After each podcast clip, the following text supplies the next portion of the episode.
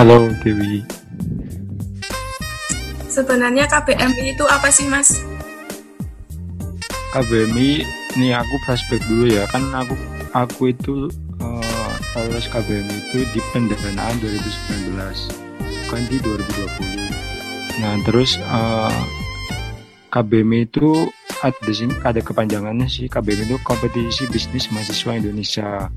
Nah dulu itu di Universitas Tidar sendiri KBM itu belum terlalu terkenal lah di kalangan mahasiswa-mahasiswa Universitas Tidar karena KBM juga kan program baru yang dilaksanakan oleh dulu itu masih riset dikti kalau sekarang kan udah uh, Kemendikbud yang dipegang Kemendikbud. Nah dulu sebenarnya sih berangkat dari uh, ke apa ya? Kegabutan dari seorang mahasiswa Universitas Tidar. Kabut yang membuahkan hasil. Nah ya dulu kan nggak belum ada belum ada planning apa apa tuh. Nah, terus ada nih dari dosen uh, kebutuhan prodi saya X1 Teknik Mesin ada yang nawarin, Mas gimana coba ikut kompetisi bisnis mahasiswa Indonesia kayak aja kan idenya bisa lolos pendanaan sampai ke Expo, Expo KMI dulu itu kan paling tertinggi pencapaian KBM itu Expo KMI gitu.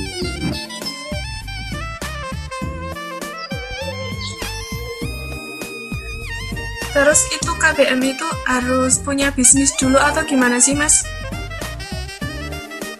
Kalau dulu sih beda ya uh, panduannya yang dulu sama yang 2019 sama 2020 ini. Kalau 2019 dulu itu uh, panduannya kita merintis dari awal. Jadi setelah ada KBMI kita merintis dari awal apa usahanya itu, bisnisnya itu. Kalau yang tahun 2020 ini bisnis kita itu sudah berjalan minimal 6 bulan gitu. 6 bulan berjalan baru kita boleh ikut KBMI yang tahun 2020 jadi panduannya itu beda yang 2019 dan 2020 terus kalau buat proses tahapannya itu gimana mas?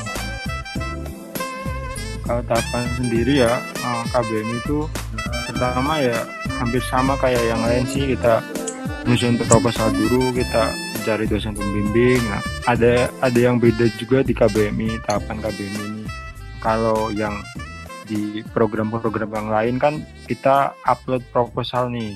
Kalau yang KBM itu kita mengisi kayak apa ya? Kayak pertanyaan-pertanyaan dari uh, dari Google Form gitu. Dulu kan ada Google Formnya kita mengisi pertanyaan di situ yang mengacu pada proposal kita. Jadi hampir sama sih kita menyusun proposal terlebih dahulu, cuman uploadnya kita bukan bentuk proposal, cuman kita menjawab pertanyaan yang mengacu dari proposal yang kita buat gitu.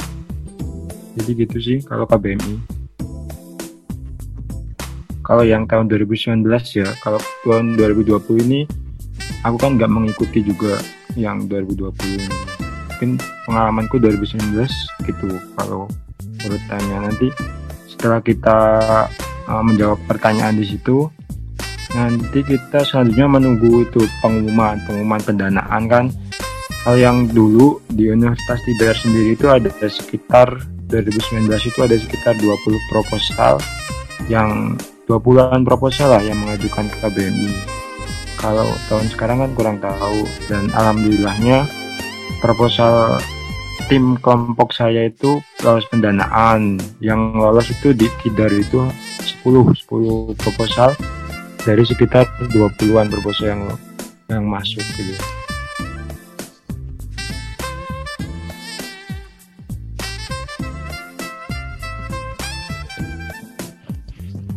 Uh, kemarin itu Mas Reski dan kawan-kawan itu mengusulkan ide apa sih Mas kalau boleh tahu? Oh kalau untuk kemarin dari saya dan tim itu mengusulkan tentang furniture ya, olahan olahan limbah plastik jadi furniture.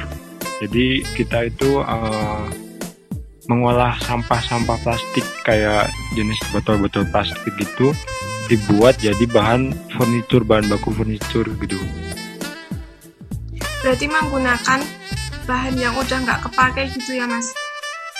Iya, jadi kita menggunakan botol-botol yang nggak kepake, terus uh, botol-botol air mineral air mineral yang dipakai gitu. Jadi kita olah lagi, kita kita gabung dengan uh, besi stainless steel. Jadi kita rangkanya menggunakan besi untuk uh, kan kita mengguna membuat kursi dan meja. Jadi untuk uh, penahannya itu kita menggunakan plastik limbah plastik itu dan untuk rangkanya kita menggunakan uh, stainless steel. Jadi uh, untuk KBMI sendiri itu sih mm, yang paling diutamakan uh, ini noble purpose. Noble purpose itu kayak uh, hal-hal mulia, hal-hal mulia apa ya dari bisnis yang kita buat untuk uh, untuk kemajuan masa depan gitu. Jadi kan kalau tim saya dulu itu uh, karena mengolah mengolah limbah plastik menjadi bahan yang berguna gitu.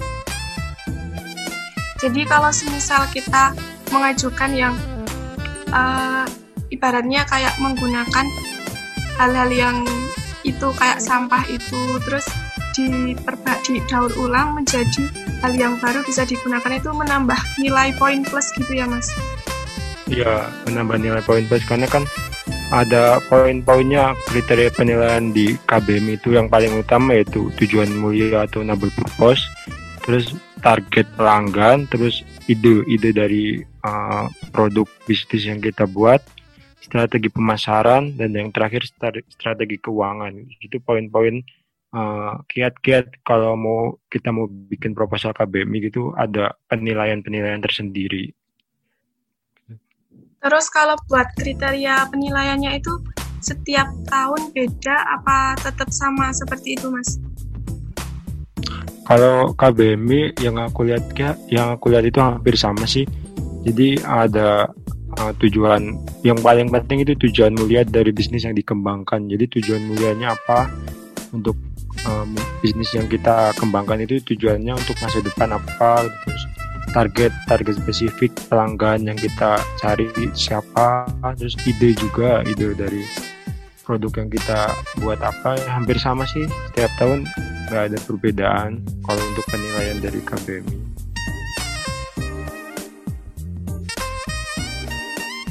Oh ya, terus uh, Mas Reski sama kawan-kawan itu kok bisa memunculkan ide gitu kok uh, mengolah limbah terus menjadi furnitur itu gimana Mas? Awal mulanya bisa muncul ide tersebut?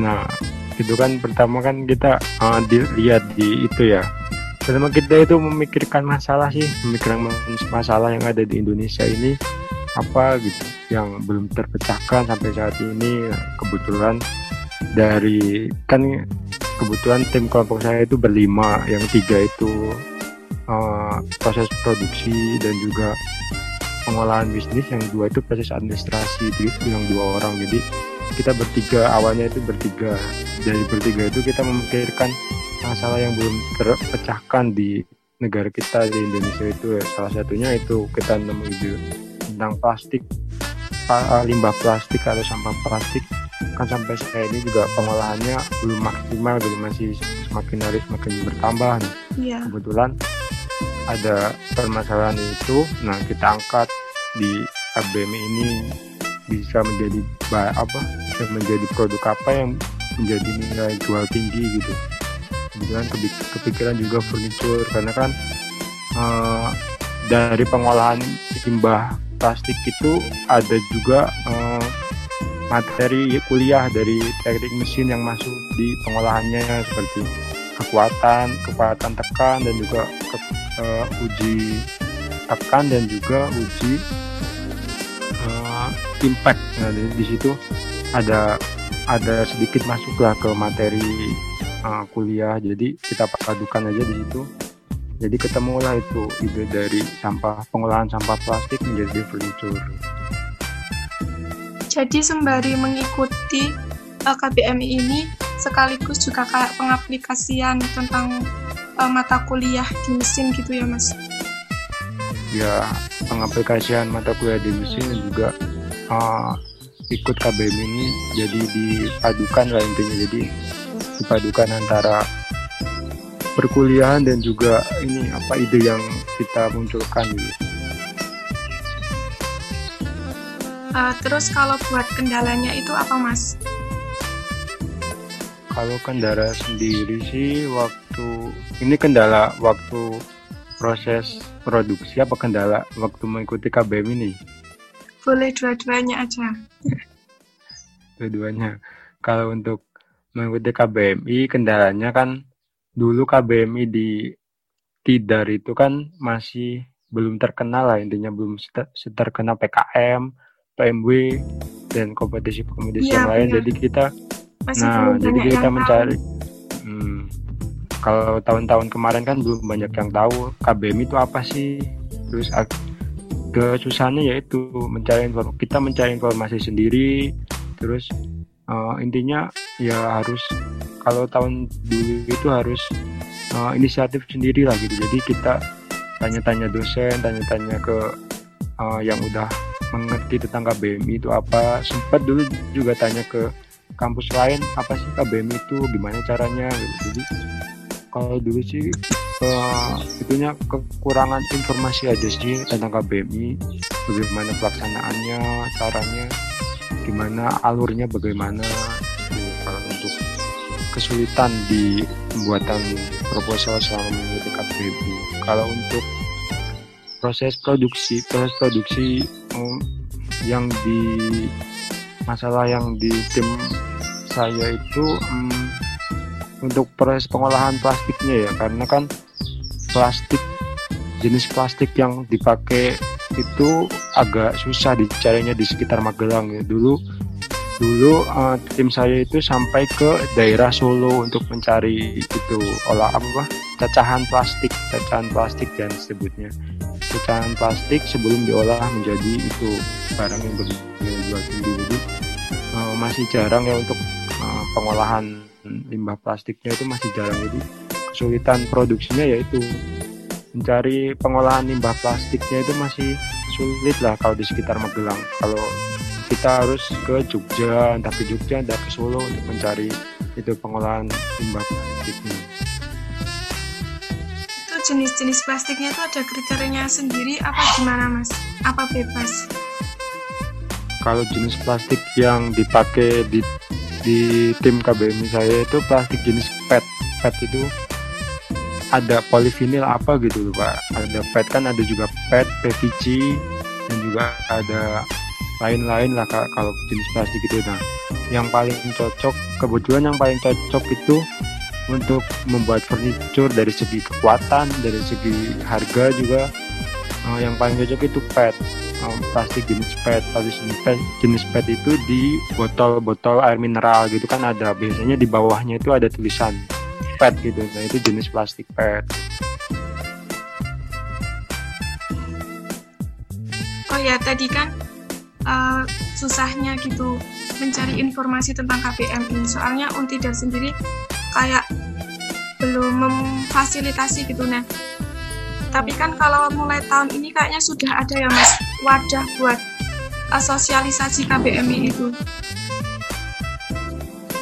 Ya mungkin uh, belajar dari tahun-tahun sebelumnya ya dari kampus juga dari universitas juga sudah sudah mulai belajar dari tahun sebelumnya untuk tahun 2020 ini saya lihat itu untuk sosialisasi buat untuk apa pengenalan tentang KBMI gitu udah banyak sih dari entah itu dari organisasi ormawa kampus ada, entah itu juga dari universitas juga ada. Apa sih KBMI, bagaimana cara proses alur pembuatan proposal, cara mengikutinya bagaimana. Kebetulan kalau saya lihat untuk tahun 2020 ini sudah ada peningkatan ya tentang uh, informasi dan lain-lain sih. Karena kan udah KBMI juga kan udah masuk tahun keberapa gitu. Jadi uh, di kampus sendiri juga udah banyak sosialisasinya nggak kayak tahun sebelum-sebelumnya. Iya benar mas. Terus uh, bedanya KBMI dengan uh, prestasi mahasiswa yang lain itu apa sih mas? Kayak kan banyak banget PKM tuh banyak jenisnya. Terus ada LKTI nah terus bedanya PKM, LKTI dan lain-lain sama KBMI itu apa mas? Kalau kalau KBM itu lebih mengarah ke wirausaha ya jadi bisnis bisnis yang kita kembangkan selama uh, selama proses proses uh, proses KBMI itu berjalan sampai nanti setelah KBMI itu nanti dipantau terus dimonitoring gitu. Kalau untuk PKM sendiri kan kebanyakan kan kayak di bidang nggak di bidang bisnis aja. Kalau PKM itu banyak bidang lain terus kalau KBM kan lebih mengarah ke itu bisnis mahasiswa. Jadi mahasiswa itu diarahkan untuk membuat sebuah usaha agar ke depannya bisa membuat membuat lapangan pekerjaan lapangan pekerjaan baru gitu bagi masyarakat kalau yang saya lihat. Berarti lebih mengacu ke kewirausahaan kewirausahaan gitu ya? Ya kalau KBM mengacu kewirausahaan. Karena kan kampus kita juga kan motonya ada tuh yang uh, lebih mengutamakan berwirausaha kan kalau universitas tidak sendiri. Yes. Terus kemudian uh, boleh sharing cerita uh, lika-likunya, susah senengnya dalam proses pengajuan atau pembuatan proposal atau realisasi dari proposal tersebut tuh gimana mas? Mungkin uh, susahnya dulu ya susah senangnya ya kan. Lika-likunya kalau ya susahnya itu yang pertama itu ini flashback dulu aja. Pertama itu karena kan kita ada tawaran dari salah satu dosen di teknik mesin lah dia akan menawarkan mas coba ikut KBMI oh, karena kan belum ada nih dari teknik mesin yang bisa lolos bisa sampai lolos bisa ikut KBMI gitu. Nah dari situ mulailah kita bikin mulailah kita cari informasi tentang KBM itu apa. Misalnya ya di yang dulu-dulu itu ya itu sih kalau informasi kan belum kita belum banyak lah di universitas sendiri. Kita harus cari ke sana kemari sendiri ke dosen tanya dosen lah. Terus uh, selanjutnya pendampingan juga belum maksimal karena kan uh, dosen juga belum belum terlalu itu lah belum terlalu uh, familiar sama KBMI setelah proposal itu yang kesulitannya lagi itu ketika pembuatan. Pembuatan juga kan kita masih sulit karena bahan bakunya susah di Magelang. Terus kan ada monef juga. Nah monef itu serba dadakan karena kan dulu itu KBMI gitu kayak apa ya? Kayak uh, waktunya itu kayak molor-molor gitu. Jadi kan dulu rencana mau ada monef dari internal, eh ternyata nggak ada monefnya dari eksternal langsung. Mungkin itu sih um, belum ada kejelasan juga tentang waktu waktu yang diberikan kepada mahasiswa itu berapa bulan untuk memulai produksi, memulai bisnisnya itu dulu masih sebatas itu sih uh, kalau kesusahannya kalau kesenangannya ya mungkin alhamdulillahnya tim saya bisa lolos ya lolos itu KBMI karena dulu kan pendanaannya cukup besar sih. Kalau KBMI itu 10 dari 10 juta sampai 40 juta range range itunya pendanaannya. Nanti antara 10 sampai 40 juta berapa yang di ACC dari dana kita gitu. Terus uh, sama itu sih kebetulan kan tim tim kelompok saya juga nggak lolos KMI KMI Awards jadi setelah Monef tadi kan ada Monef monitoring dan evaluasi ya. Setelah monitoring dan evaluasi itu nanti dipilih nih dipilih. Dulu itu 10 proposal yang yang lolos pendanaan dan yang berangkat KMI Awards di Politeknik Negeri Batam. Kalau 2019 itu di Politeknik Negeri Batam banyak lima lima itu lima kelompok. Nah dari lima kelompok itu nanti dibagi lagi ada ada industri makanan, industri jasa dan perdagangan, industri teknologi, terus industri kreatif dan yang terakhir industri industri produksi. Nah, jadi dari 10 itu kan dua-dua nih, masih dua-dua antara industri-industri yang tadi. Nah, ya. nanti dipilih satu-satu dari satu-satu dari dari uh, kategori itu. Jadi industri makanan satu, industri jasa satu, industri teknologi satu, industri kreatif satu, industri produksi atau budidaya satu. Untuk mewakili Universitas Universitas Sidar di KMI Awards di Politeknik Negeri Batam kalau dulu. Sayangnya kan untuk uh, tim KBMI saya dan teman-teman itu kemarin nggak lolos kami Award jadi cuma sampai di pendanaan aja proses pendanaan sih cerita sedikit cerita flashback dari dari saya mengikuti KBMI tahun 2019 oh ya mas. Terus kalau buat uh, proses realisasinya habis pendanaan itu gimana? Terus menjalankan ide bisnisnya nah. gitu.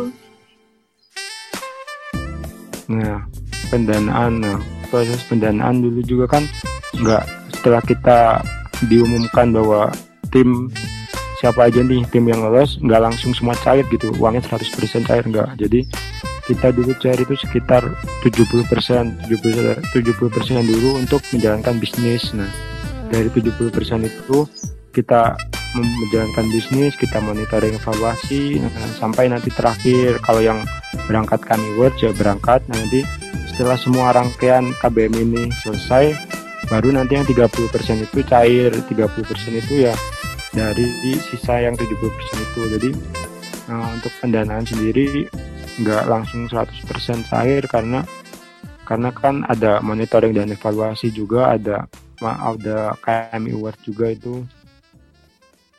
Mungkin gitu sih. Setelah pendanaan terus kan itu biasanya mere merealisasikan rencananya gitu kan mas nah itu juga yeah. ada pertanggungjawabannya gitu enggak oh kalau itu tetap ada sih. Karena kan selama kita selama uh, dana sudah cari itu nanti kita ada ada uh, uh, apa ya kayak kayak mentoring gitu jadi ada mentoring. Jadi selama setelah di setelah dan kita cair nanti di situ ada mentoring terus dari pembimbing kita. Bagaimana uh, kelanjutan dari bisnis yang kita jalankan. Apakah ada kemajuan atau ada ada kekurangan? Nanti dari mentoring itu nanti pembimbing bisa kan bisa mengasih masukan bagaimana baiknya bisnis ini. Jadi selama uh, dana kita sudah cair itu kita lebih intens malahan ke pembimbing pembimbing kita. Karena kan uh, kita juga dipantau terus kan sejauh mana proses uh, proses bisnis kita berjalan gitu. Nanti nanti puncaknya ada monitoring dan evaluasi. Nah di situ nanti kita dievaluasi nih bagaimana proses bisnis yang kita jalankan selama ini selama beberapa bulan setelah dana cair itu. Jadi kita di dievaluasi lah dari segi administrasi juga dari segi uh, hasil barang yang kita buat. Jadi itu di di mana puncaknya setelah pendanaan itu. Nanti oh ya di situ kayak kita presentasi sih presentasi dari hmm, kalau mau itu presentasi dari uh, bisnis yang sudah kita jalankan gitu. Presentasi barangnya bentuk barangnya presentasi penjualan presentasi keuangan juga. Nanti di situ ada monitoring dan evaluasi oh ya kalau buat monetnya itu biasanya dilakukan di kampus apa di Kemendikbud langsung pusatnya gitu mas? Kebetulan kalau buat tahun 2019 sendiri itu monitoring dan evaluasinya itu di kampus masing-masing ya di kampus masing-masing dengan dengan dosen yang setelah ditunjuk oleh Kemenistek Dikti kalau dulu itu.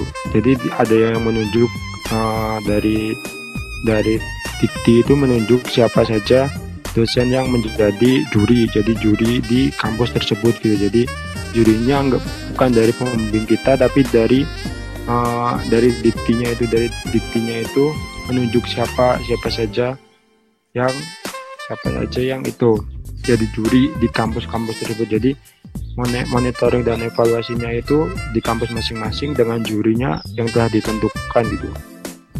Berarti jurinya dari luar gitu ya mas ya? Bukan dari internal kampus? Enggak, kalau juri tetap dari internal sih. Kalau dulu juri tetap dari internal tapi ditunjuk langsung oleh Ristek Dikti gitu. Oh, kalau sekarang Kemendikbud jadi berarti dari internal jadi, tapi yang menunjuk pihak Ristek Dikti gitu? Ya uh, tetap dari internal cuman kan ditunjuk langsung dari Ristek Dikti gitu. Uh, biasanya di bulan-bulan apa sih mas? Uh, ada apa seleksi KBMI ini? Kalau bulannya itu an, kalau dulu itu antara ma udah mulai mulai uh, pengajuan proposal itu membuat proposal dulu saya itu dari bulan Maret dari bulan Februari Maret Februari Maret itu sudah ada informasi tentang KBMI, udah ada sosialisasi tentang KBMI. Kalau dulu kan belum ada sosialisasi, jadi kita nyari-nyari sendiri. Jadi mulai bulan Februari, Maret, April itu sudah mulai masuk ke pembuatan proposal gitu. Berarti sekitar awal tahun gitu ya Mas ya? Iya, sekitar awal tahun nanti untuk Expo KMI-nya sekitar bulan September Oktober nanti ada Expo KMI di situ uh, terus buat uh, butuh berapa lama sih untuk proses persiapan itu sampai lolos sampai pertanggungjawaban itu memakan waktu berapa lama gitu mas? Kalau dulu sekitar kan mulai kita pembentukan proposal itu sekitar bulan Februari Maret sampai dengan kalau nggak salah itu Oktober akhir gitu jadi sekitar sekitar tujuh tujuh bulanan lah sampai terakhir uh, terakhir itu KMI Awards itu sekitar tujuh bulanan jadi uh, di pertengahan itu di pertengahan bulan sekitar Agustus itu nanti ada monitoring dan evaluasi jadi di situ menentukan siapa nih yang berangkat KMI Awards yang berangkat KMI Awards mewakili dari kampus masing-masing gitu nanti ada oh ya nih ini ada uh, Expo KMI itu sekitar 8 sampai 11 November.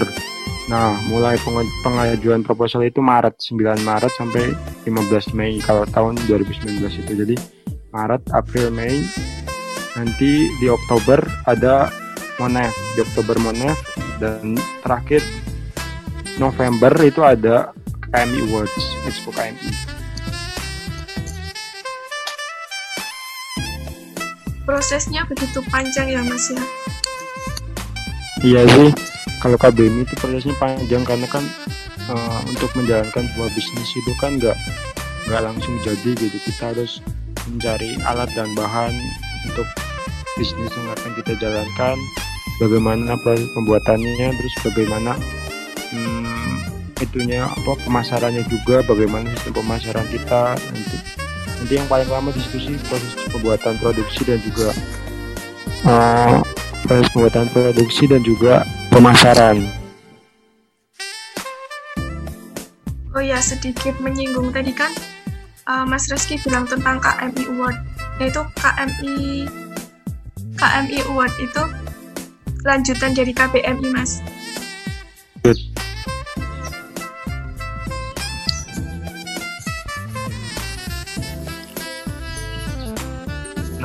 Jadi setelah KBM itu ada puncaknya lagi. Eh, KBM itu ada puncaknya yaitu kami Awards. Kami Awards itu kayak kita menampilkan produk produk-produk bisnis kita di situ. Jadi kita ada stand-standnya di situ juga nanti ada investor-investor juga yang yang bisa saja melirik uh, bisnis kita untuk dikembangkan oleh investor itu. Jadi di situ itu nanti banyak sih uh, kayak investor juga ada dari kementerian juga ada gitu jadi KMI Watch itu hmm, kayak jenis uh, apa ya penghargaan penghargaan dari KBMI gitu. Oke baik Mas, uh, mungkin dari Mas Reski ada sesuatu yang ingin di share ke kita, mungkin yang belum saya tanyakan apa kira-kira Mas? Mungkin tips buat apa biar ikut KBMI agar lolos gitu atau apa? Mungkin kalau dari kalau tips and triknya itu uh, kan kalau KBMI ya sekarang itu harus mempunyai uh, bisnis dulu ya kalau yang tahun 2020 ini kita harus menjalankan bisnis dulu. Nah, mungkin mulailah uh, mulailah membangun rasa berwirausaha aja dulu sih dari diri kita masing-masing nanti kalau untuk mengikuti lomba-lomba kayak gini nanti ya mengikuti aja gitu. Jadi kita mulai menumbuhkan jiwa wirausaha dulu. Nanti kalau ada lomba-lomba kayak KBMI kayak PMW juga kan tentang wirausaha gitu. Jadi mengikuti aja kalau itu. Jadi uh, lebih lebih kalau menurut saya lebih enak jadi wirausaha sih daripada nanti uh, kita di yang lain gitu kan. Kalau wirausaha kan nanti kita mau menjalankannya kan gimana kita yang menjalankan gitu kalau wirausaha mungkin kalau dari saya itu sih mulai tumbuhkanlah rasa berwirausaha sejak dini ya berarti kayak merintis usaha sejak dini mungkin gitu ya mas ya. Jadi kalau semisal ada kayak ya. acara gini kita langsung bisa berpartisipasi gitu. Iya benar. Jadi lebih baik kita memulai usaha dulu daripada kita daripada kita pusing mikir ide apa nih nanti pas untuk mengikuti lomba kayak gini musuh pusing mikir ini idenya apa mungkin lebih baik kita menjalankan bisnis dari kita dulu passionnya kita apa mulailah berwirausaha dulu. Nanti kalau ada lomba-lomba seperti ini jadi kita tinggal menyusun proposalnya gitu nggak usah mikir ide apa mau bikin apa gitu. oke mas. Uh, ini terakhir sekarang kan Mas Reski udah mau lulus nih, udah semester 7, udah persiapan skripsi. Uh, apa ada pesan-kesan gitu uh, selama selama kuliah dan pesan buat adik-adik generasi selanjutnya? Mungkin pesan saya ya uh, lebih lebih ditingkatkan lagi tentang tentang apa keilmuannya tentang di luar akademik kayak misal mengikuti lomba-lomba lah PKM, PKM, KKBMI, KPMW gitu.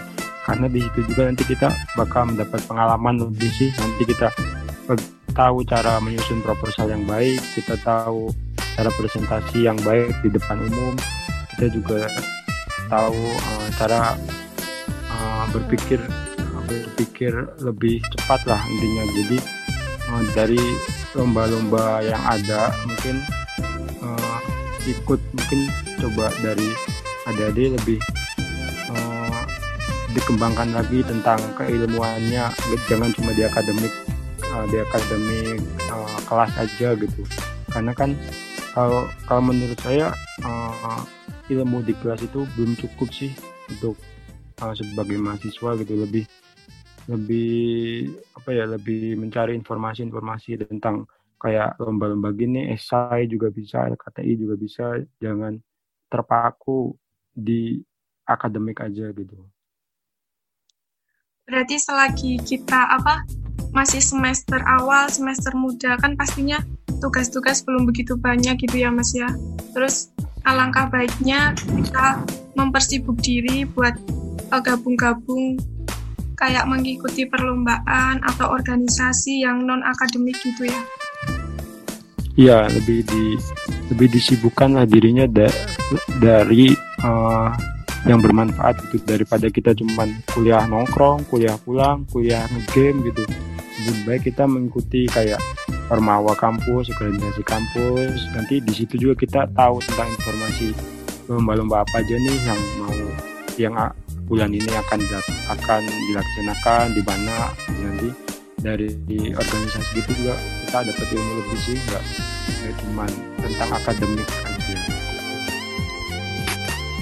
Baik makasih banyak ya Mas Reski buat waktu ya luangnya sama-sama. Uh, materinya menarik banget bicara kali ini. Terus banyak mendapat ilmu terutama juga buat saya juga. Pokoknya terima kasih Terus semoga skripsinya lancar. Amin, doakan saja. Amin. Sekian bincang-bincang mengenai KBMI dengan Mas Rizky. Tetap semangat berproses merajut mimpi, gunakan kesempatan secara optimal selagi menjadi mahasiswa. Sampai jumpa di postcard berikutnya. Wassalamualaikum warahmatullahi wabarakatuh.